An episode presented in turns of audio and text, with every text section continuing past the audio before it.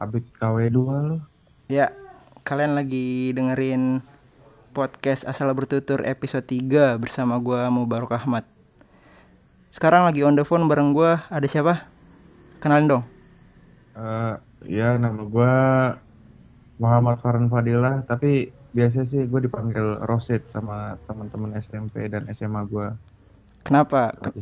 Kenapa lu dipa- bisa dipanggil Rosid? Jauh banget tuh Muhammad Farhan Fadilah terus ke Rosid. Ya sebenarnya perkaranya sih simpel aja. Di SMP gua suka apa namanya banyak yang namanya Farhan Ah, dan Mu- Muhammad Farhan juga banyak gitu. Jadi ya udahlah sama-sama entah nggak ada kesepakatan gitu tiba-tiba yang namanya Farhan tuh pada dipanggil nama belakang semua. Iya. Misalnya Farhan Maulana. Maulana, panggilnya Maulana. Nah, gua kan Muhammad Farhan Fadilah nih. Heeh. Ya gua kayak kayak unyu aja gitu, Udah. dipanggil Fadilah gitu kan. Heeh. Kayak apaan tahu ya udah gua iseng-iseng aja deh cari buku. Kebetulan bukunya waktu itu buku Asmaul Husna gitu, gue bukanya dari paling belakang tapi ya udah ketemunya Ar Ar-Rasyid, tapi gue modif dikit jadi Rosid deh. Dia tapi kenapa harus Rosid? Kan banyak nama-nama yang lain. Ya nggak apa-apa gue suka aja waktu itu kalau nggak salah gue ngebaca artinya lumayan gue suka ya artinya tuh eh yang ma- apa namanya yang menunjuk ke jalan yang benar yo gimana tuh Rok? Bagus bagus. Enggak tapi gua denger-dengar ya katanya nama lu tuh banyak bukan cuma Rosid itu. Emang gimana sih tuh? Ada kayak Farhan apa baik itu Farhan apa baik apa tuh? Apaan tuh sih ya? Lalu jadi ini nih flashback flashback nih. Iya tuh. Enggak itu Farhan apa baik itu maksudnya apa? Ya enggak itu sebenarnya gue lagi guyon aja tuh sama temen gue adalah anak SMP namanya Ista tuh. Heeh. dia apa ya biasa lah waktu itu gue lagi soal-soalan ganti nickname gitu kan. Jadi kayak mempersingkat mempersingkat sama lucu-lucuan ya udah. Akhirnya entah kenapa gue mikir kayak begitu. Karena udah apa sih nggak ada ide lagi lah ya udah. Nggak ada gue dulu alay Farhan apa baik itu Bekasi banget ya. Apa baik lu? Apa baik lu? Ora danta, ora danta gitu kan Bekasi ya. Ah, belakangnya eh mesti eh kenapa Nah, lu gitu Rob waktu SMP ekskul apa sih? Gue ekskul gue pertama basket kalau kalau lu belum tahu Rock gue rasa lu belum tahu Rock iya iya. ya kan ekskul pertama gue basket tapi gue bentar doang sekitar ya dua bulan lah gara-gara gue ngikutin si ini temen gue ada namanya Fahrian tuh ya kan Hah. akhirnya gue pindah dari basket ke bola jadi emang sebenarnya bola ini udah hobi gue banget kan Dari gue kecil. nggak tahu waktu itu gue kenapa iya dari kecil gue nggak tahu waktu itu gue kenapa milih basket kan Keren mungkin kali. karena gue bilang keren susah juga sih karena apa ya kalau nggak salah waktu itu karena pendek terus disuruh emak gue Hmm, tinggiin ya udah gue masuk basket kan katanya bisa kan? Berhasil tapi. ya kagak kagak nggak karena itu juga sih gue tingginya biasa aja gitu. Hmm, terus? Normal puberty. Sebentar doang di basket. bentar doang. Cuma tiga bulan ya udah. Akhirnya gue punya tetangga namanya Nopal panggilannya Beler. Ah, nah, panggilannya Beler ya udah. Karena orang Beler sesimpel itu aja dia terus? Nah, dia eskulnya LB lapangan besar ya. Ya udah gue ngikut dia tuh. Kebetulan waktu itu gue sebenarnya nggak langsung masuk. Gue datang dulu tuh ke jadwal ekskulnya dia apa ekskul LB kan. Gue Mm-mm. liatin oh kayak begini latihannya. Ya udah gue diundang juga sama si kaptennya tuh si Dian Hatala buat masuk LB ya udah akhirnya hari berikutnya di jadwal berikutnya LB ya gue latihan normal udah semenjak di semenjak hari itu udah gue ekskul LB sampai lulus. sampai lulus SMP. Ah, terus pas SMA lu masuk eskul marching band ya. Iya, marching band. Tapi kan jauh banget sih dari bola terus lu tiba-tiba ke marching band. Tuh gimana ceritanya? Nah, ini sebenarnya pemulaannya SMP, SMP sama SMA gua sama nih. SMP gue mulai ekskul basket, SMA gue ekskul mulai basket. Cuman dua alasan berbeda. Oh lu basket dulu di SMA. SMA gue basket dulu, Rock. Lu belum Ah, tahu pasti. ah, ah. Karena waktu itu gue kan masih sama Ayu kan, tau lah lo. pacar lu mantan. iya Oh iya, mantan heeh. ya kan ya dia katanya suka lah sama orang main basket ya udah gue main basket deh tuh Heeh. waktu itu SMP eh apa SMA bentar doang gue tapi terus dia kan masuk nursing tuh gara-gara waktu pendaftaran ulang. Ditawarin sama Bu Mutmainah kan oh kamu kayaknya tinggi nih udah kamu masuk nursing aja. Ya udah masuk nursing lah dia akhirnya kan tuh. Nah kebetulan gue waktu itu posisinya gue sebagai masih sebagai cowoknya dia ibunya dia bilang ke gue kamu kayaknya ini deh apa tante minta tolong temenin dia dong mau ikut apa buka bersama sama ekskulnya ya udahlah ikut dong gua ya kan Terus lu ditarik. sebagai enggak ditarik sih Oh jadi lu in- permulaannya nggak sengaja gitu. jadi sebenarnya permulaannya nih gue masuk nursing itu ya pure karena ibunya dia itu nyuruh gua supaya nemenin dia ke mana-mana Oh, gitu doang gara-gara itu lu jadi masuk marching band. iya udah gitu doang Tapi kan akhirnya lu putus kan ya? Tapi lu masih Put- bertahan di situ. Kenapa? putus iya putus gua kelas waktu kelas 2 tuh gue putus sama dia gue sebenarnya gini ada rasa kayak berterima kasih lah gue waktu itu berterima kasihnya sama siapa? sama ibunya karena gue di Oh, disuruh masuk nursing kan dengan alasan nemenin anaknya ya udah jadi kayak berterima kasihnya tuh gue akhirnya kayak gue nemuin sesuatu lah gitu yang gue bisa ambil banyak pelajaran di situ di marching band ini. Marching band. Jadi nggak selain cuman musik doang gue bisa banyak berapa namanya merubah kepribadian gue gitu. Heeh.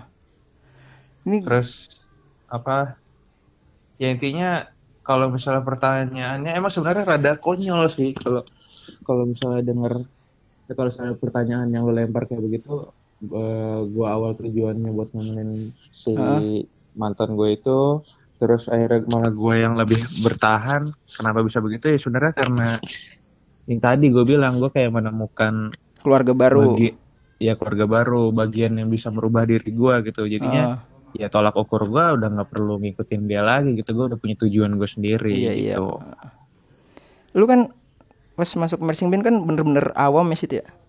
Nah, Pertanyaan gue, apa bisa semua orang ikut marching band? Yang nggak punya menurut skill gue musik apa-apa gitu. menurut gue sebenarnya bisa so, eh, kasusnya gini ya gue selama di mersing oh contohnya gue aja dah gue Hmm. gue pribadi ya waktu itu gue inget waktu seleksi ada jadi sebenarnya di kategori rock ada kategorinya dalam mersing tuh kategori alat musik maksudnya Mersing apa marching sih? mersing Kan CH tuh. Kayak Ya kan. channel. Ya kan pronounce Inggrisnya gitu. Masa sih? mersing. Iya beneran rock Mersing. Ya terus terus. mersing band. Nah jadi kan di mersing band tuh sebenarnya secara iya secara general kan ada tiga kelompok lah. Kelompoknya tuh maksudnya gini ada alat yang dimain dipukul ditiup sama ada alat yang dia tuh tarian gitu ngerti nggak? Oh, nah tahu kan lo? Iya iya kayak color guard gitu ya. Nah kalau galang kan tuh tarian tuh sambil main bendera gitu kan terus nah waktu seleksi itu sebenarnya gue kayak sedih banget sama kecewa sama diri gue sendiri Rock Kenapa? Karena Nah. lu nggak nggak apa nggak bisa lolos seleksi itu yang apa tingkat paling pro apa gimana? Nah, jadi gini, pertama itu di mersing itu pasti selalu alat tiup dulu yang dicoba karena alat tiup tuh ibaratnya seperti induknya lah. Paling susah. Iya, paling susah dan Dan- yang paling dominan. Dan lu nggak lolos di alap tiut alap tiut itu. Gue nggak lolos dan yang bikin gue sedihnya si mantan gue ini bisa. Heeh. kan Nah, jadi kan kayak anjir gue payah banget gitu, ngerti kan lo? heeh. lu pengen terlihat lebih dari dia gitu. Nah, iya dong, jelas lah. Selagi waktu itu kan gue sebagai cowoknya dia. gitu. Heeh. Terus Terus akhirnya di mersing ini yang sebenarnya yang bikin gue juga lebih kayak apa namanya semangat buat ekskul. Sebenarnya awalnya gini Rok. Waktu SMP kan gue ada mersing juga kan. Mersing SMP juga, iya. Tapi kan cewek semua isinya.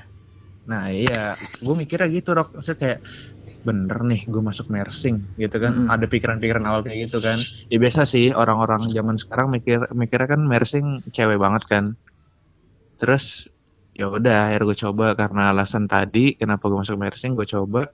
Ternyata ya kayak gue ketampol sendiri gitu loh ngerti gak sih Mm-mm. gue merendahkan ekskul itu dan ternyata gue nggak bisa nggak sesuai Itu dengan apa yang lu lihat gitu ya iya yang gue kira lu pikir cuma di- gampang banget tapi pas lu coba susah Iya susah banget gitu. Malah orang yang berpikir, wah ini alat yang ditiup ini teknik niupnya tuh cuman kayak niup trompet dengan napas begitu. Ternyata nggak susah. seperti itu gitu loh, susah gitu. Nah terus habis itu sebenarnya yang tadi yang mau gue yang mau gue bilang ke lo, kenapa gue masuk medicine juga ada pendorong dari temen kelas gue Rok.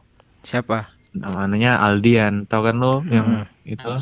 Aldian, Aldian. iya iya. Nah, si Aldian ngajak lu. ngajak gua karena dia SMP dia juga nursing ternyata.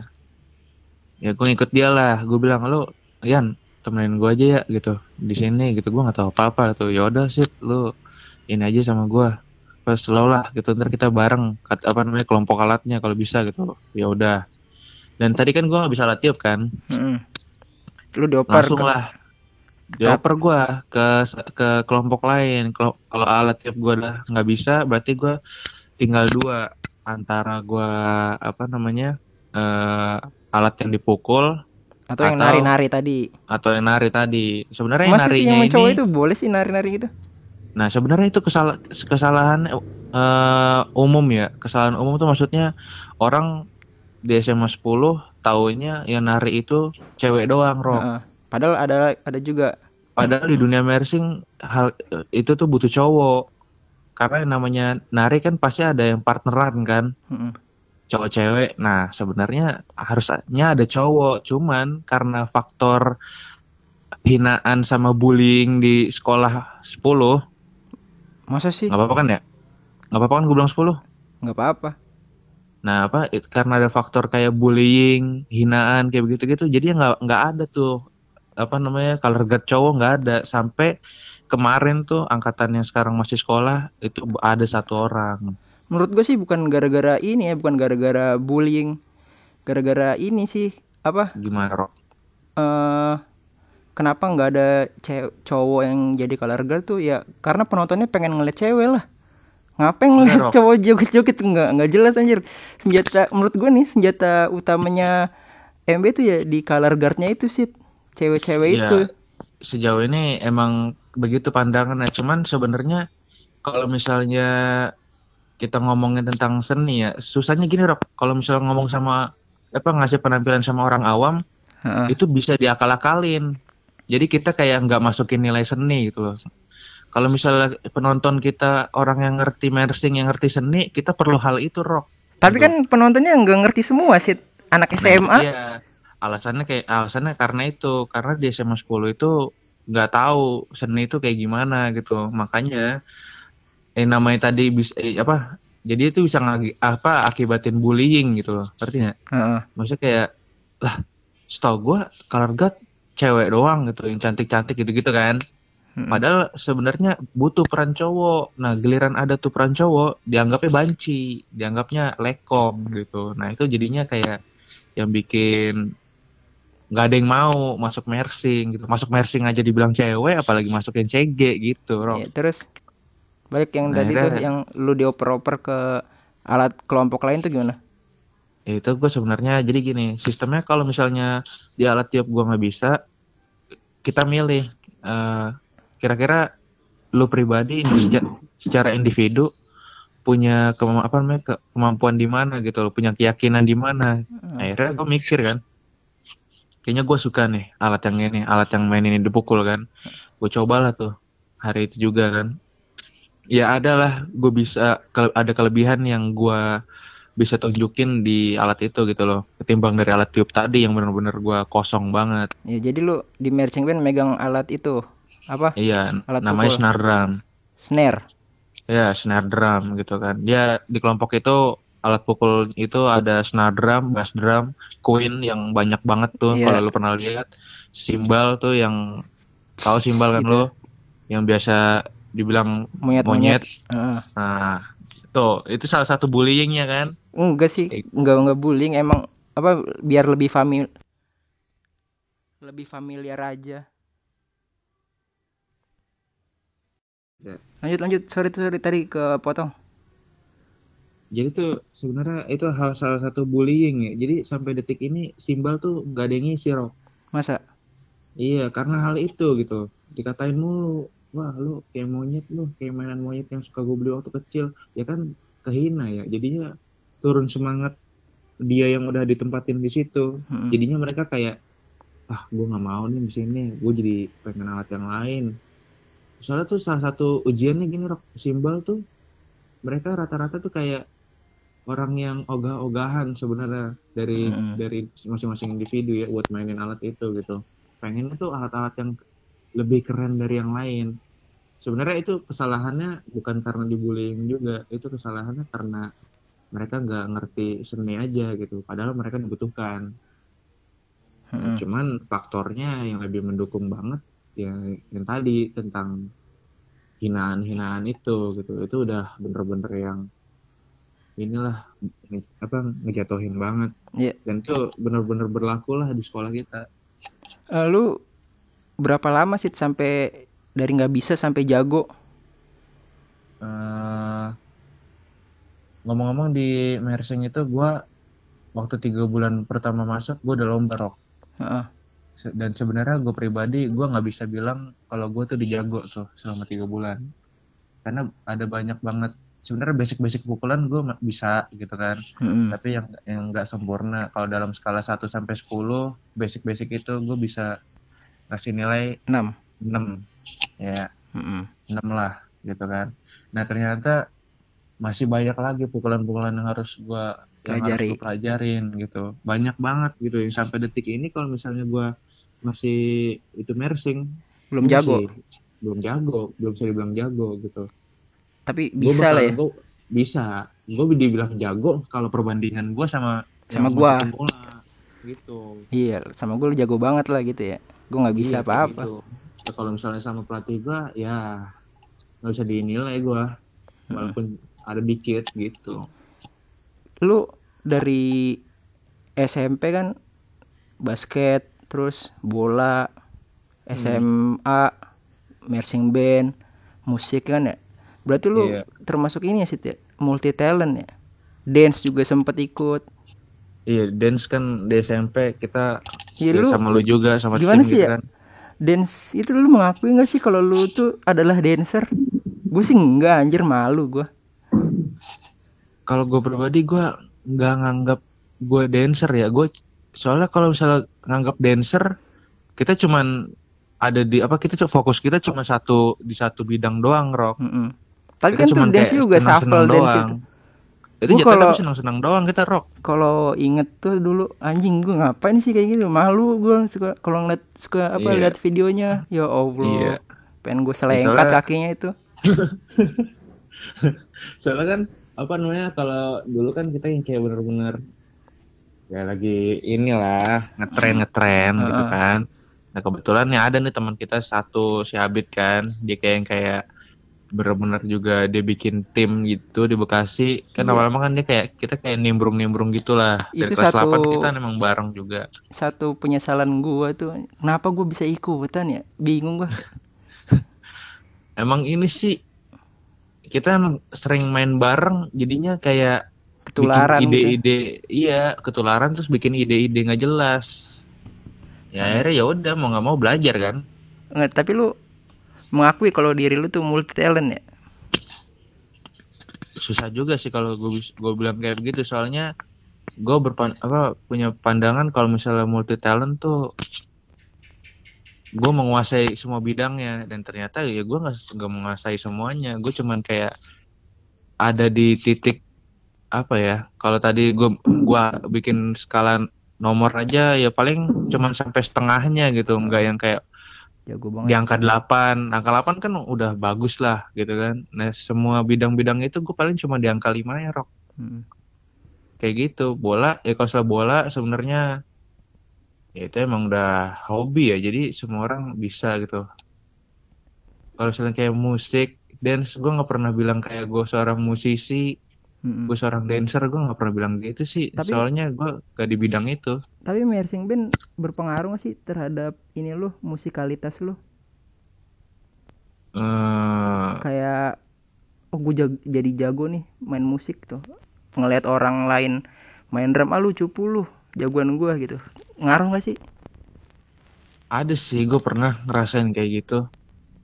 Tapi di bidang mersing ya, kalau Hmm. misalnya kayak drum gitu, kalau maksud kayak band-band gitu loh, Heeh. gue ngeliatnya kayak ya beda.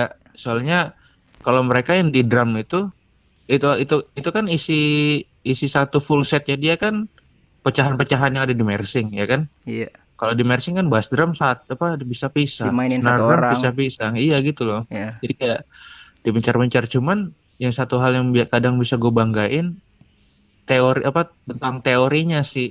Jadi kayak ketukan Bisa- ketukannya gitu iya ketukan tempo, gue bisa baca partiturnya, Bisa baca not balok gitu. Gue bisa rock. keren walaupun walaupun yang tadi gue bilang gue nggak 10 gue nggak 8 gue nggak di angka 8 gue di angka 5 gitu loh jadi kayak cuman nyenggol doang tuh nggak yang kayak bener-bener gue tahu itu gimana dan terus ini not balok bisa diapain gitu. Cuman kayak oh gue tahu ini apa gitu doang. Eh, lu sadar gak sih sih kalau marching band tuh ekskul mahal? Eh lu suara lu ke mana Rock emang nggak ada? Nah ini baru ada nih. Lu sadar gak sih marching band tuh ekskul mahal? Kayak alat-alat itu kan mahal ya. Kalau misalnya rusak pasti ada biaya perbaikan Iya. ya kan ya itu dananya Sebenarnya- dari mana tuh? Sebenarnya gini Rock di SMA 10 nih dari kalau kita ngomongin ngomongin harga ya Hmm. ngomongin tentang ekskul mahal ini banyak banget ceritanya Rock yang sampai yang sampai ekskul MB tuh dulu Di- dapat gelar anak emas. Iya di di anak emasin. Emang gitu kan di sekolah kan Iya. kayak ada ininya ya ada anggaran buat ekskulnya ya. Dan nah. paling banyak tuh buat si band itu itu sampai ke dengeran sama lu itu kedengeran karena senior-senior gua ngasih tahu yang terjadi zaman dulu tuh kayak gimana gitu. Dan kenapa bisa ada kayak biasalah selek-selekan antar ekskul gitu Hmm. ngerti kan lo sebenarnya gue bisa cerita panjang lebar nih kalau misalnya lo kasih waktu. Enggak tapi bener itu apa dananya dari sekolah apa lu patungan apa gimana? Nah eh, kalau mersing sebenarnya ya kalau zaman dulu yang gue dengar kan katanya dana sekian anggaran sekian yang diturunin dari pemerintah kan katanya begitu kan Heeh, dari pemerintah buat sekolah nih dikasih segini nih dari skala 100 misalnya nih ya heeh. misalnya 100 eh, ada 10 ekskul. Berarti Dibagi-bagi. kan 10% 10% dong. iya Katanya dulu dari 100% itu 60 persennya buat MB, nah 40 persennya baru Baru bagi rata ke dibagi-bagi. 9 ekskul lain. bener tapi itu. Katanya, gua nggak tahu. tapi pas pas zamannya lu gimana Di zaman gua semuanya itu pakai dana kita sendiri, Rok. patungan. Iya, yang keluar dari yang keluar dari sekolah itu cuman biaya pelatih itu pun setengahnya terus sama kayak alat tiup nih ya. Alat tiup itu kan butuh minyak, Rok. Heeh, buat pelicin gitu yang pencetan-pencetannya kalau lu pernah lihat alatnya kan. Minyak bimoli apa? Iya. Enggak rok. Ah. Nah kayak gitu kan. Stick eh, stick tangan lo ya kalau patah drum. lagi. Kalau pat enggak dia tuh sebenarnya gue nggak ngerti ya. Gue nggak pernah request rok kayak pak bu kita harus beli stick drum. Kita harus beli tongkat color guard. Gue nggak pernah request rok tapi langsung dibeliin sama sama, sama sekolah gitu? Jadi kayak tahunan gitu. Oh iya iya bukan iya. bulanan tahunan. Ada aja gitu kan. Nggak kalau minyak biasanya enam bulan sekali. Berarti setiap tahun tuh ada alat baru alat baru gitu iya nah kalau Itu- misalnya lu- rusak sebelum alat baru datang tuh gimana? Nah itu ke- kita kan kayak ada perawatan gitu ya. Jadi Heeh. kayak nggak sampai rusak bener-bener. Nggak bakalan sampai dia rusak. iya nggak bakal sampai rusak sih. Nggak sebenarnya kalau ngomongin tentang alat yang dibeliin sekolah ya sekolah kita tuh nggak berani lu contohnya gini dah. Lu tau alat trompet kan? Heeh. nah itu kan 3 juta tuh harganya. Berapa? 3 juta. 3 juta satu satu begitu doang tuh yang Heeh. kecil tuh terus tahu kan lo nah Heeh. itu nah sekolah nggak mungkin tuh bisa beliin itu pasti sekolah belinya yang murah-murah yang kayak alat color guard itu paling cuman 150 ribu satunya. Dulu Nah. trompet-trompetnya beli sendiri berarti. trompet-trompetnya dulu itu itu pemberian dari kota Bekasi Rok Oh, heeh. kota Bekasi tuh dulu punya nih gue gue punya alatnya nah gue bingung gue mau ngasih mau ngasih ke siapa di di kota Bekasi ini sekolah mana yang punya mersing adalah sekolah kita sama sekolah lain. Tapi Kebetulan waktu itu Mersing juara lomba ber- dengan alat yang waktu itu dipunya. itu Mersing Band 10 udah ada.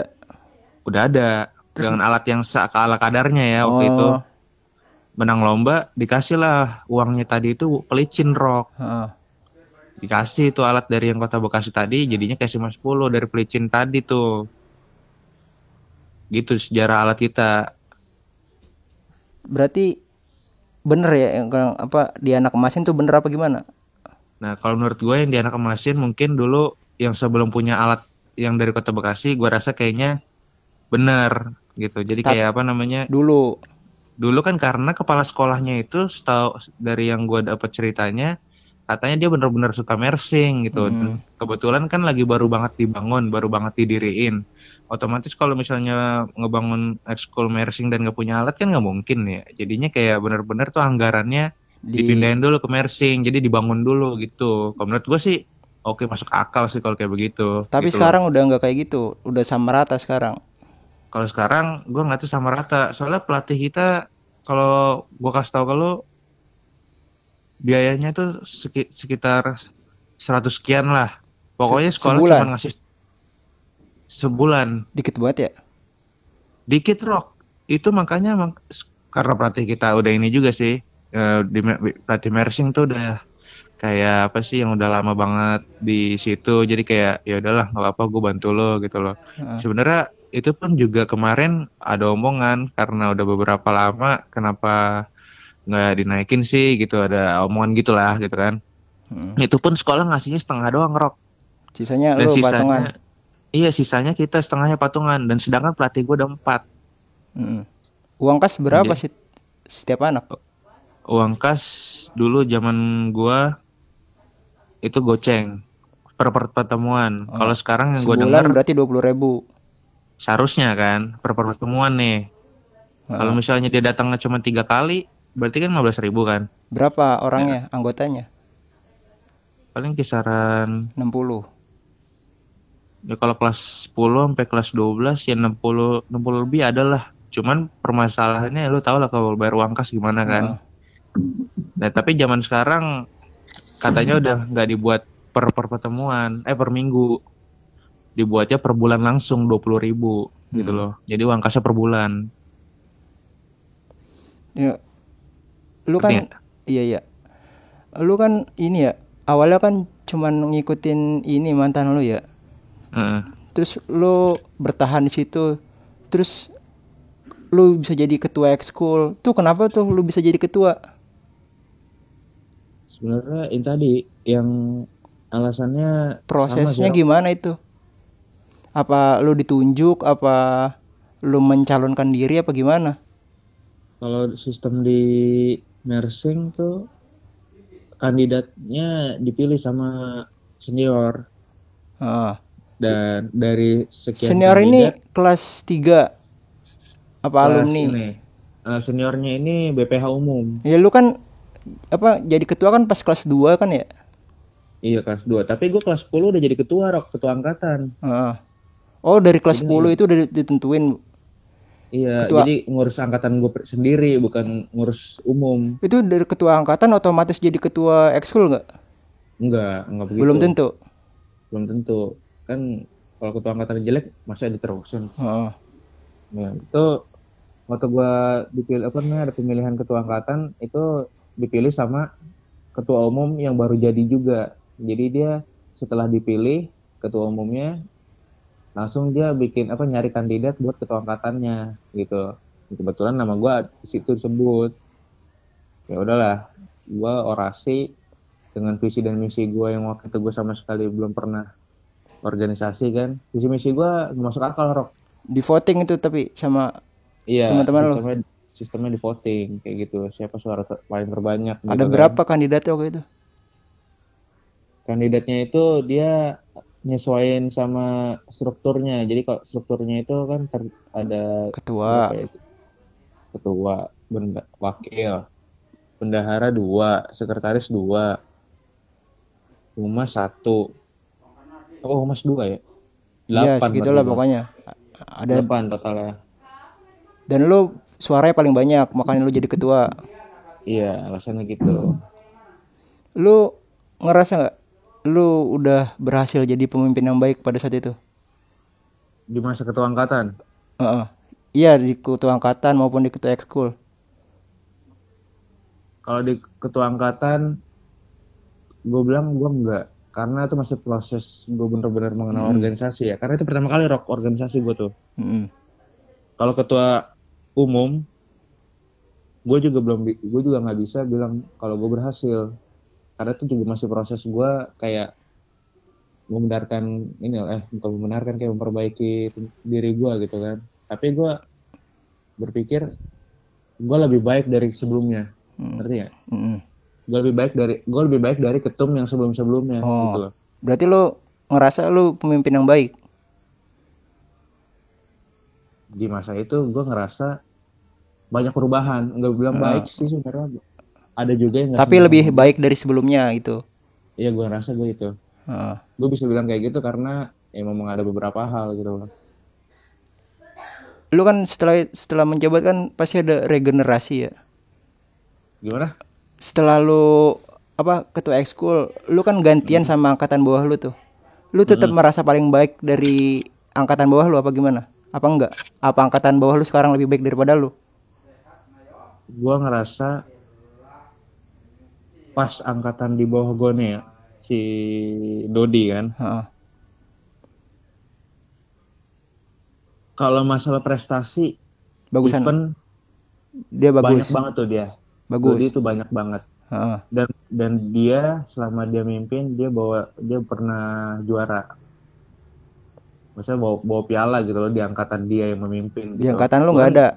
gue kan nggak pernah karena waktu itu gue sempet nggak ada pelatih rock Heeh. Oh. Sempet nggak ada pelatih dan gue bener-benerin kayak gue sendiri gitu loh. Kalau mau bikin lagu ya udah gue ngotak aja. Apa bikin ide-ide gila aja gitu loh. Ngulik-ngulik kayak gitu ya. Ngul- iya ngulik-ngulik kayak gitu gitu. Makanya gue waktu itu kayak nggak ada pertolongan apa apa ya udah gue memanfaatkan apa yang gue punya aja gitu loh.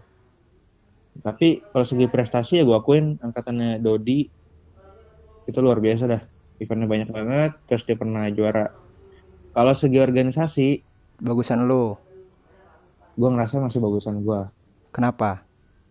karena poin pertama nggak ada perubahan eh apa perubahan yang dia bikin di angkatannya dia ada campur tangan gue Heeh. ngerti nggak jadi dia dia mimpin jadi ketua umum Iya. nah se- selama dia jadi ketua umum Lu masih ngurusin-ngurusin gitu. gue masih ngebantuin dia selama sam eh sampai gue lulus sampai gue kuliah Sampai lu itu masih kuliah masih bantuin dia. gue masih bantuin dia karena kenapa gue ngelakuin itu karena gue ngeliat nih gue eh, ngeliat Esko ada potensi lebih gitu akhirnya gue muncul munculin yang ngerubah struktur ngerubah Mm-mm. cara diklat diklat malam Ya itu gue lakuin di dia gitu waktu zaman gue gue nggak sempat ngelakuin itu Mm-mm. gitu sih Itu sampai sekarang lu masih komunikasi ya sama anak-anak MB ya? Terakhir gue komunikasi sama mereka itu bulan Januari atau Februari. Eh, sekarang Ma- sih udah enggak gue gue ninggalin udah ninggalin itu sih. Heeh. Eh, gitu. lu pas lulus SMA terus lu masuk ke sekolah penerbangan ya kan hmm. ya? Hmm. dan gue liat nih anak-anak MB nih luar biasa loh. Ada yang ke pelayaran penerbangan keren banget oh ya? iya. Menurut lu tuh ya gimana tuh? Apa emang mereka ikut-ikutan apa emang udah dari dulu pengen ke situ? Sebenarnya oh kalau misalnya gue ngambil contohnya kan gue selalu berempat tuh tahu kan tuh siapa aja? Heeh. gue Raplin Nando Pace itu. Nah itu kita berempat tuh sebenarnya kalau gue pribadi gue punya cita-cita jadi penerbang tuh dari SMP dari SMP Pace. Ya gue dari SMP gue udah punya cita-cita kelas 3 tuh.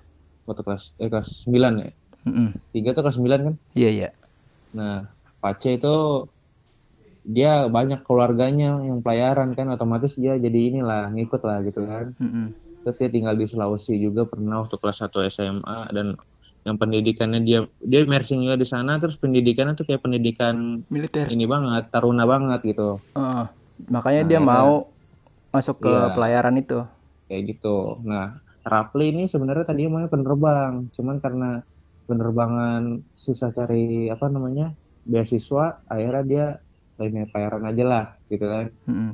di pelayaran dapat pelayaran dapat tuh si Rapli tuh di negeri. Kalau Nando bapaknya pelayaran. Gitu. Nah jadi ada kayak backgroundnya masing-masing lah alasan-alasan tertentunya gitu. Kalau selain kayak sekedar ikut-ikutan sebenarnya yang mendorong tuh si Pace ini nih si Laude ini. Mm-mm. Dia pindahan dari Sulawesi kan tuh eh, pindah ke SMA 10 tiba-tiba kayak menggebu-gebu gitu menebarkan tuh. apa iya. paham-paham apa harus jadi taruna kayak gitu ya? Iya tuh. Itu benar-benar kayak wah ini orang ini banget nih. Sampai satu sekolah tuh juga tahu Pace ini apa namanya dia fok dia fokusnya ke mana maunya ke mana gitu loh. Yakin tuh tahu kelas ya, apa senior junior juniornya lagi gitu. Tahu ini Pace ini siapa gitu dan, dan seperti apa orangnya dan gue nggak tahu gue siapa Pace nah lu lu lagi lu. Lu mulu sama dia lu. sejak kapan lu pengen jadi pilot? Sejak oh iya sejak kelas 9 ya? Kelas 9 dulu dulunya cita-cita lu emang jadi pilot apa gimana? Wah. Jujur ya gue gue sebenarnya gue kalau ditanya cita-cita gue nggak tahu gue cita-cita gue apa. Sama nggak sih lo iya sampai sekarang. Gue kalau ditanya dulu tuh cita-cita kamu apa? Gue pernah jawab pengen jadi polisi pernah Iya, jadi TNI beda-beda Masih gitu. gitu? gue nggak tahu. Gitu. Gue juga gitu. gue seneng banget tuh ngelihat eh, anak-anak kecil zaman sekarang tuh ditanya kamu cita-citanya mau jadi apa? Pengen jadi youtuber. Terus Yo. pengen jadi apa Instagram seleb selebgram. Iya, selebgram. pengen kayak gitu-gitu. Kenapa? Iya. karena gampang nyari duitnya. Iya. gue seneng tuh ngeliat kayak gitu. At least dia punya apa pikiran itu mau jadi apa. Sedangkan gue pada Iya. umur itu gue nggak tahu gue gue dulu ditanya mau jadi apa? Mau jadi Hokage anjing gue lu gitu gak sih? Gitu juga gak sih? Gua nggak suka sampai- bingung. Mau jadi Oh, apa Bingung mah. Sering dulu, Rok. Soalnya dulu angan-angan bocah kan, apalagi laki-laki ya. Heeh. Ngeliat sesuatu yang keren-keren, TNI, polisi, ya kan mau gitu kan. Heeh.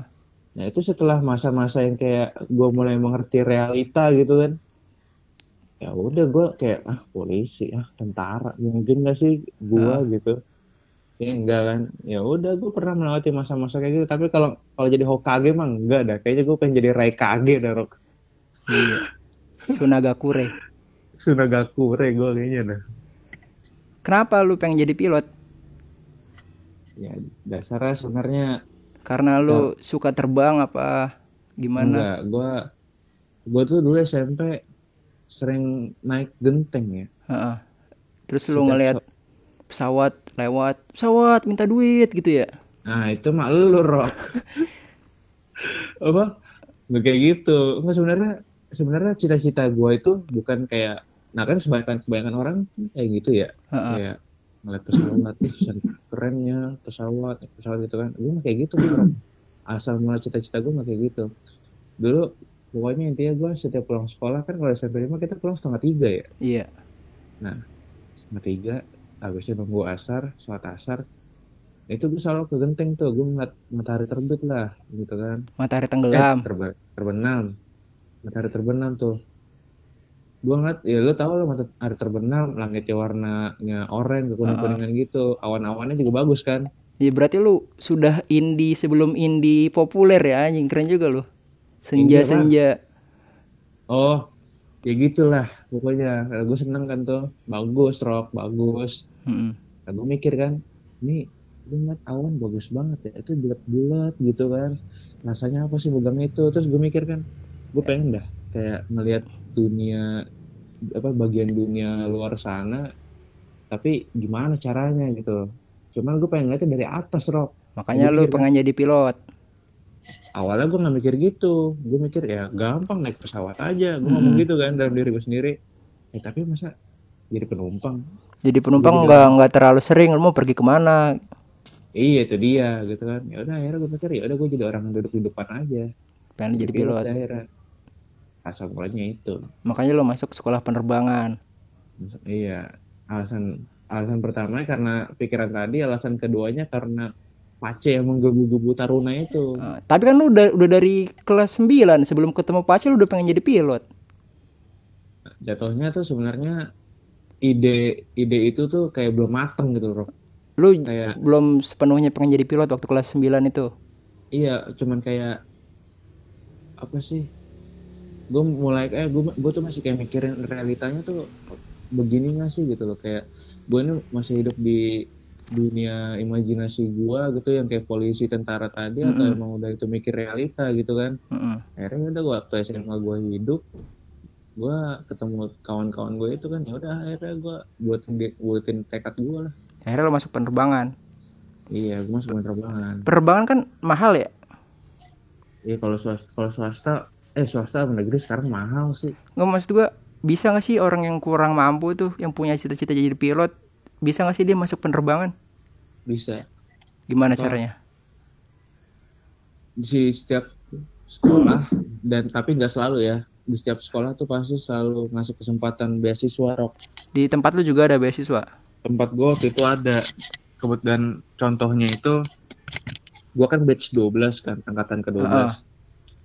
senior gue batch 1 batch 2 batch 3 itu ada yang sekarang jadi eh bukan sekarang sih selama gue sekolah waktu itu udah jadi instruktur di sana jadi guru Hmm. Nah, mereka itu jadi guru di sana bukan karena mereka pengen, tapi karena mereka dibiayain sekolahnya sama sama sekolah itu. Jadi otomatis karena eh, mereka lulus nantinya, eh, lo jadi guru ya di sini. Gak jadi Ya pilot. udah, iya eh, apa namanya balas budi lah gitu. Sampai kapan? Sampai kalau nggak salah lima eh, lima tahun apa tiga tahun gue lupa lah. Kalau nggak salah tiga tahun deh. Tiga tahun ya, tiga tahun masanya. Kayak gitu. Bisa kok, bisa.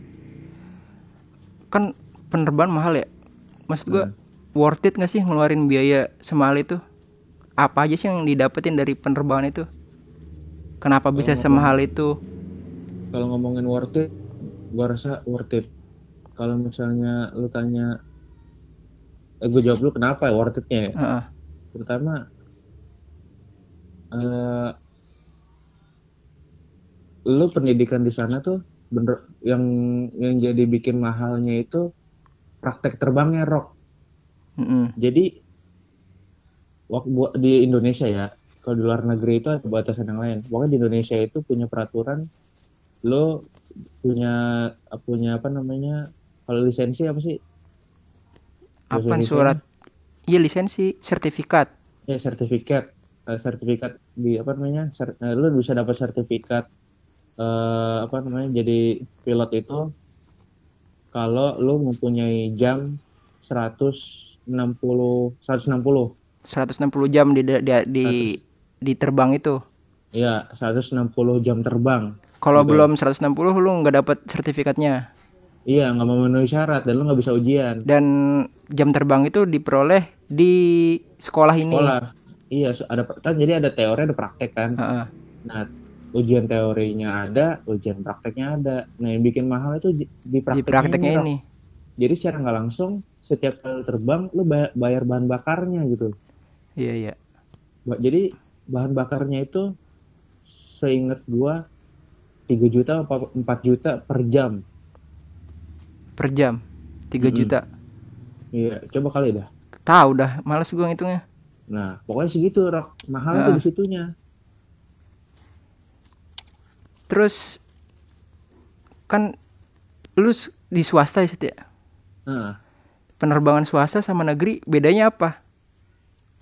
bedanya Kesempatan kesempatan buat dapat lapangan pekerjaannya itu sama apa enggak? sama. Sama. Nah, nggak membedakan.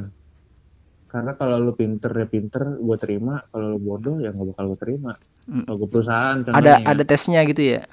Iya, karena semuanya tes. Tapi zaman dulu itu selalu negeri diprioritasin. Dulu. Ya karena, iya dulu, karena nggak malu lah masa lulusan negeri kagak dapat kerja gitu kan ibaratnya. Ya dulu sekolah penerbangan swasta udah banyak belum? Belum. Eh, swasta itu kebanyak eh, apa namanya? Iya kebanyakan lahir tahun 2010 tapi udah ada juga yang dari tahun Mm-mm. 9 apa 90-an udah ada tuh Tapi sedikit. Mak- dulu ya ah Tapi sedikit swastanya dibanding ya yang sedikit. sekarang. soalnya dulu ada tuh film Warkop tuh Warkop DKI itu salah satu salah satu apa namanya acara filmnya dia tuh ada yang dia nyewa pesawat sekolah swasta Mm. berarti kan udah ada tahun 90-an kan Iya iya. kayak gitu terus eh, Kesempatannya Nah. sama nggak gitu? kesempatannya zaman sekarang itu semua sama rata nggak membedakan negeri atau swasta nggak. Sekarang sama. Jadi kalau misalnya ya lo mau dari kan yang negeri kan jorok ya. Mm-mm. eh, STPI itu Sekolah Tinggi Penerbangan Indonesia sama yang BP3B di Banyuwangi. Dulu gue pernah nyoba tuh yang, sebelah- yang di Banyuwangi tapi gue gagal tuh tes tes pertama. Makanya gue swasta kan. Terus itu nggak membedakan Rock nggak membedakan lo mau negeri mau swasta. Pokoknya intinya gue sebagai perusahaan gue membuka lowongan ini gue kasih lo semua tes ya udah lo tes. Kalau lolos ya lolos dah. Iya iya. tapi tapi ya ngerti lah. Tolak ukurnya sekarang membedakan kalau dulu negeri swasta sama orang dalam. Nah sekarang negeri swasta sama lawannya orang dalam gitu. Orang dalam ini Ngerti siapa? ya orang dalam. Siapa pun yang kerja di dalam sana dia ngebantu orang lain Ngebantu orang lain yang ker- yang nggak sekolah penerbangan gitu? enggak jadi misalnya gua nih Heeh. gua Oh, gua oh iya iya iya. Jadi Gitu, nggak Rob. nggak nggak ngaruh lu mau sekolah swasta sama di negeri gitu. Kalau lu punya orang dalam bisa kerja langsung gitu. Gitu maksudnya. itu bi- bukan bisa kerja jatuhnya kalau di penerbangan bisa diprioritaskan Hmm. kerja masalahnya sama lu sendiri pribadi soalnya di penerbangan prinsipnya gini ya nggak masalah dah lu punya bapak pilot kek oke lah gue prioritasin lo tapi tetap ya Tapi tetap dites gitu. di eh, di tesnya tuh gini Eh, oke lu lolos tes misalnya gitu kan kan nanti kan setelah kita lolos tes kan disekolahin lagi tuh kita Mm-mm. dari pesawat yang kecil ke pesawat yang besar contohnya gitu kan Pesawat penumpang gitu. Iya, pesawat yang, yang berisi penumpangnya banyak. Nah, itu kalau lu nggak bisa, oke sorry, lu gua kick gitu. Cuma sampai sini doang, lu ngeba apa ngeprioritasin lu. Karena jatuhnya ini Rock. Kalau misalnya lu gagal, ngapain gua gaji eh, apa gua terima lu kerja, lu mau bunuh orang. Kan Mm-mm. kita kerja buat bawa penumpang kan, Iya. kayak gitu. Cuma sebatas itu doang, nggak bisa lebih jauh lagi. Eh, di sekolah penerbangan itu ada kayak maskapai idaman gak sih? Ada, pasti milik negara Garuda Indonesia. Soalnya dia kan ada pokoknya lembaga penilaian gitu, Rock. Iya. namanya Skytrack itu tuh kayak Oscar-nya lah Heeh. lo? kalau buat art, buat pemain film kan Lu pengen tuh masuk kate- Garuda itu. pengen lah pengen banget lah gue masuk Garuda Bedanya apa sama maskapai yang lain? Kan lu di depan. Kalau penumpang bisa ngerasain tuh bedanya kayak fasilitas makanannya beda tuh gitu. Tapi kan lu di depan nggak apa tetap aja lu yang ngendarain kagak ada bedanya. bedanya eh, kesenangannya pertama kebanggaan rock Kebanggaan doang. Bangga. kebanggaan nomor satu sih kedua akomodasi Akomodasi apa? iya jadi Garuda itu kalau lo lihat Garuda tuh dijemput rock kerjanya Hmm, nah gitu lah maksud gue akomodasinya itu seperti itu berarti fasilitas pilot Garuda sama pilot yang lain tuh beda.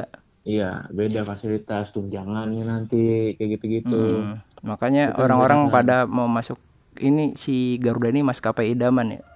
Iya, dan itu tadi dia dia tuh 10 besar di dunia sekarang Hmm. gitu. Ya masa Urutan berapa dia? terakhir setahu gue dia urutan 5 Keren ya.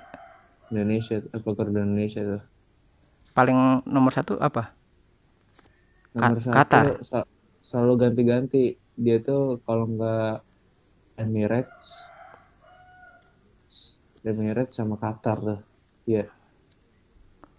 Heeh. posisi posisi satu nggak nggak selalu netep selalu ganti-ganti tapi kalau masalah masalah pramugari pramugara itu Garuda Indonesia nomor satu jadi dia ada ini ya Rob kategori-kategorinya Mm-mm.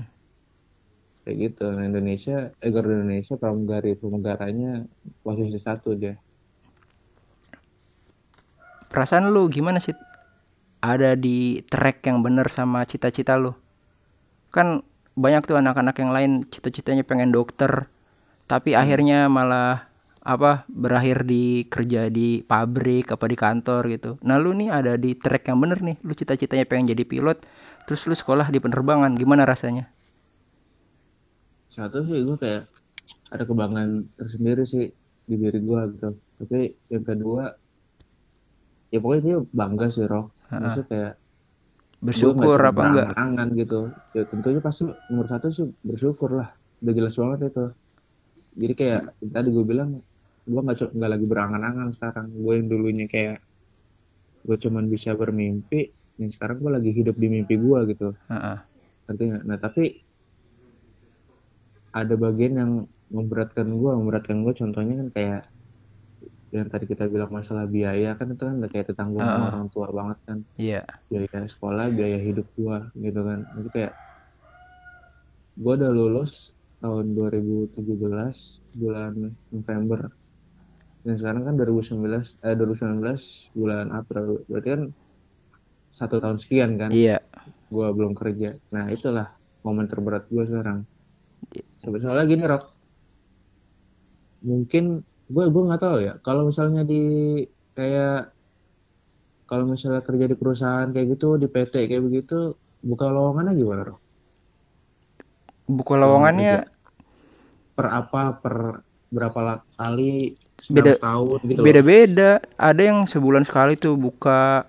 Nah pokoknya tuh kalau kita ngelamar-lamar ke PT tuh kita random aja gitu nyebar-nyebarin. Hoki-hokian Nah, kan gitu ya. PT PT kan banyak nah masalahnya itu Rock di zaman gua di zaman penerbangan sekarang nggak nggak kayak dulu. Baik, maksudnya gue gini.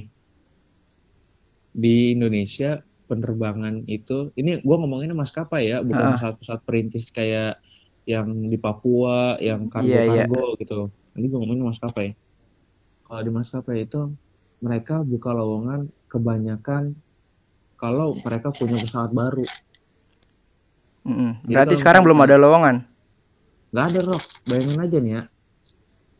Teman gua dia eh senior. Heeh. dia tes 2000 2018 apa 2017 pokoknya dia ada setahun lebih itu tes tuh. Pokoknya Hmm. dia baru keterima setahun lebihnya rock gitu. Ngerti ya? Iya sama juga lah. Orang di PT PT juga nganggurnya lama kok nah itu tapi maksud tapi dia bukannya nggak sesering itu gitu loh. Kalau bilang kayak tadi sebulan iya ya tapi lu bilang tapi kan ininya kali gitu. lulusannya nggak nggak terlalu banyak maksud gua. Siapa? Penerbangan ini. Iya, lu nggak tahu Rock, penerbang tuh Enggak, maksudnya udah- kayak ke pabrik nih. Nah, kan banyak tuh yang lulusan apa D3 atau SMA kebutuhannya sedikit.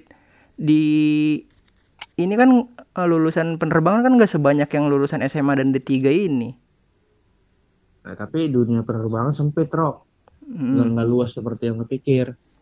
Apa namanya? eh, kalau misalnya lu kayak pernah kenalan, lah lu kenal orang ini, lalu tinggal di sini. Nah itu yang kayak begitu gitu loh. Gue bakal ketemu lu lagi gitu. Jadi kayak tadi kan contohnya eh kalau misalnya lu bilang, nah nih gue ngasih tau dulu ya, pengangguran penerbangan di Indonesia tuh udah hampir di angka 3000 sekarang. mm, karena faktor pertama terlalu banyak sekolah penerbangan di Indonesia. Apalagi swastanya itu udah merajalela sekarang. Harusnya dibatasin tuh. Harusnya dibatasin. Faktor keduanya terlalu banyak eh, pekerja dari luar. Hmm, dari luar negeri. Karena alasannya apa? Di negara di negara Indonesia ini ini fleksibel banget Rob maksudnya fleksibel tuh kayak kalau misalnya gue kasih tau ya di luar negeri itu misalnya gue sekolah pesawat capung kan tuh iya pesawat yang paling kecil lah. Nah, di luar negeri kalau misalnya lo pengen kerja di yang pesawat gede kayak Boeing, Airbus itu tuh, lo langsung mesti naik perlahan-lahan, Rock. hmm, Pesawat capung, pesawat kargo tuh, pesawat ini ini lagi. Jadi ukuran pesawatnya bertahap gitu. Itu di luar negeri tuh. Di Indonesia, lu bisa lompat tuh dari paling kecil sampai Boeing, ngerti nggak? mm, mm. Makanya tuh orang pekerja dari luar pada kerja di Indonesia. Nah, terus itu tadi alasan keduanya. Jadi SDM di Indonesia nih malah enggak jadi pilihan gitu loh Mm-mm. makanya banyak banget nganggur tadi satu kan karena satu apa tadi gue ya apanya poin pertama tadi gara-gara apa satu ya oh, gara-gara ini ya pembukaan ya Mm-mm. nah pembukaan gue itu lapangan kerjanya nggak ada gitu lapangan kerjanya nggak ada Rok. nih ini gue tadi kan gue bilang bu, dia bakal apa namanya buka lowongan kalau ada pesawat baru pesawat baru kalau mu- musim pensiunan kayak gitu-gitu kan Mm-mm. ini kayak contohnya Citylink nih gue kemarin tes bulan November kan ya gue enggak gue masukin bulan Agustus Rok. Mm-mm. gue masukin bulan Agustus. Gue tes eh, sampai detik ini Citylink belum buka juga. Belum selesai juga tes yang tahun yang yang apa namanya yang kemarin Agustus baru buka. Karena kan gue nggak lolos tuh yang tes Citylink kemarin. Heeh. Nah, nggak lolos tahap berikutnya. Sampai detik ini nggak Belum buka juga lagi. buka lowongan Citylink nggak buka lagi. Lion Air belum buka lagi. Garuda Garuda itu kemarin baru buka lowongan setelah enam bulan lebih kalau nggak salah tuh Mm-mm. Air Asia juga baru buka gitu. Nah, maksudnya kayak nggak ini loh, begitu banyaknya maskapai, tapi ya kan kalau misalnya gue mikir gini ya, mungkin di bulan Januari Air Asia gitu kan, Heeh. di bulan Februarinya Citylink, bulan bulan Maretnya Ma- Lion, bulan ke apa bulan Aprilnya Garuda, gitu kan enak kan ya? Jadi kayak ternyata nggak kayak gitu ternyata nggak kayak gitu gitu, entah kenapa serentak enggak. Jadi kayak situasional gitu. Kalau dadak dadakan Iya dadak-dadakan kayak gitu. Itu yang bikin makanya bisa sampai 3000 nganggur tuh karena faktor tadi lulusannya kebanyakan, terus foreignernya yang pekerja dari luarnya juga banyak, terus yang ketiganya lowongan dadak- apa dadakan gitu. Akhirnya pak mereka pada terbang ke yang perintis-perintis. Tapi yang di perintis-perintis nggak menghilangkan poin nomor dua tuh. Poin Mm-mm. nomor dua yang tadi yang bule terbang di Indonesia terlalu banyak dan apalagi kualitas mereka yang orang Indonesia pikir lebih baik dari orang kita sendiri gitu. Mm-mm. Itulah musuh gue sekarang memberatkan orang tua gue. Soalnya bokap gue selalu ngomong tuh setiap ngeliat pesawat gede gitu kan, kapan anak gue bawa beginian gitu. iya Dan, dan apa dari gue pribadi sebenarnya itu tekanan buat gue rok.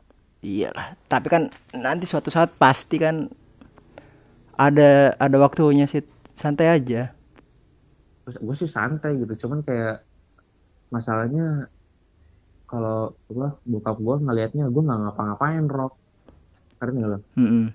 Jadi kayak, gue mau ngapain sekarang? Buka juga kagak, gue paling bisa belajar. Duduk manis, gue belajar. Kalau ada pembukaan, gue masukin. Iya nggak begitu? Mm-mm. Nah, masalah bokap gue ngeliat kayak, gue nggak ngapa-ngapain gitu. ya lu jelasin lah Gue dijelasin loh, mikirnya tuh kayak, ya coba ngomong lah saya cobalah cari bantuan gitu kan, cari dekatin-dekatin orang. Terus sekarang prinsipnya gini, Rok. Gue gak bakal tuh nyentuh-nyentuh jalur-jalur kayak gitu. Yang Heeh. tadi gue bilang orang dalam, ngerti kan? iya ya kalau misalnya gue ke orang dalam terus gue masuk ke kerjaan ya masa gue nggak biayain kedua orang tua gue sama keluarga gue nanti dari duit haram ibaratnya gitu loh Hmm. nggak bakal gue kayak begitu nah sekarang permasalahannya tinggal sabar kan iya soalnya ada dulu gue dulu gue waktu sekolah rok masih jadi taruna gue denger kan wah lo tau gak sih sekarang kerja susah loh gitu ada tuh eh, kenalan gue dia dia lulus dari curug. Ini negeri nih rok kayak curug ya? Iya. Nganggur 8 tahun gue bayangin. Ngapain aja tuh 8 tahun dia? 8 tahun. Akhirnya karena dia gua dia nganggur di tahun berapa kayak tahun keempat kalau nggak salah ketiga gitu. Dia buka usaha kecil-kecilan gitu loh. Mm-mm. kayak warung gitu dagang dikit gitu nah pas tahun ke-8 dia terus coba selama 8 tahun tuh akhirnya diterima di tahun ke-8 gara-gara faktor tadi faktor eh, dia nggak punya apa banyak orang luarnya yang kerja di Indonesia nggak punya orang dalam Mm-mm. itu jujur banget Rok, gitu murni dah nih orang nih nah lu mau jadi kayak orang ini tuh. Nah, maksud gue gini, Rok. Kenapa gue ceritain dia? Ini salah satu contoh gitu loh. Kalau misalnya di penerbangan tuh sekarang seperti ini kondisinya. Mm. Nggak seperti yang ke- mikir kayak, gue lulus gue lulus sekolah terus langsung gak langsung kerja gitu. Nggak kayak gitu prinsipnya. Ya sama lah merata semua semua Heeh, profesi juga begitu kan. Iya. Nah, cuman mungkin gue bisa menyadari bisa kayak mengerti kenapa orang tua gue kayak yang ter, apa pengen buru-buru. Mungkin ya karena mereka juga udah ngeluarin banyak. banyak Mm-mm. gitu-gitu. Terus berharap berharap lebih pengen kayak ngelihat gua kerja udah kerja gitu kan. Iya iya iya. Ya tapi ya udah gimana situasinya sekarang? Gini tinggal usaha aja terus gue Hmm. berarti dunia sekolah penerbangan tuh sulit ya sekarang ya? Sulit sulit banget menurut gue terakhir nih sih pesan-pesan buat orang yang bercita-cita jadi pilot ada nggak? Eh, pertama eh pesan ya. Heeh. Kalau kalau kalau kesan menurut gue kalau selalu cita-cita jadi seorang pilot dan lu bisa sekolah itu luar biasa banget. Dan kalau misalnya lu yang punya cita-cita tapi nggak eh cita-cita pilot tapi nggak terwujud lu punya jalan yang lain gitu. Jangan Mm-mm. berpikir kayak itu pilihan terakhir lo gitu. Ya barangkali emang bukan di situ tempat lo gitu kan. Jadi terus berjalan aja. Kalau masalah pesan ya Mm-mm.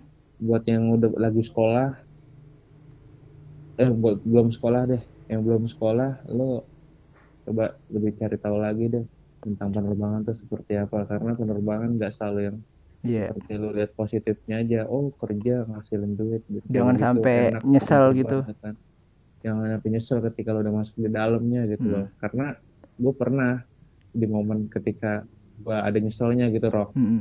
Tapi lu sekarang gak nyesel kan? ya gue sekarang gak nyesel karena gue udah terlanjur nyemplung gitu kan ya No, gue ya udah lulus sini juga. udah lulus gitu, tinggal nyari kerja ya terus kalau misalnya buat yang masih sekolah buru-buru nggak usah berharap buru-buru lulus gitu Mm-mm. kita yang udah lulus mikirnya coba gue masih sekolah sekarang gitu karena ketika lo udah keluar di Medan ini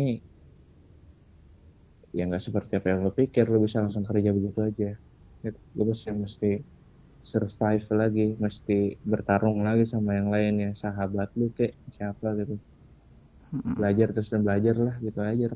Ya oke sih, thank you ya. iya sama-sama ya masih juga nih Eh, eh, mungkin segini aja podcast episode kali ini. Sampai jumpa episode berikutnya. Deh.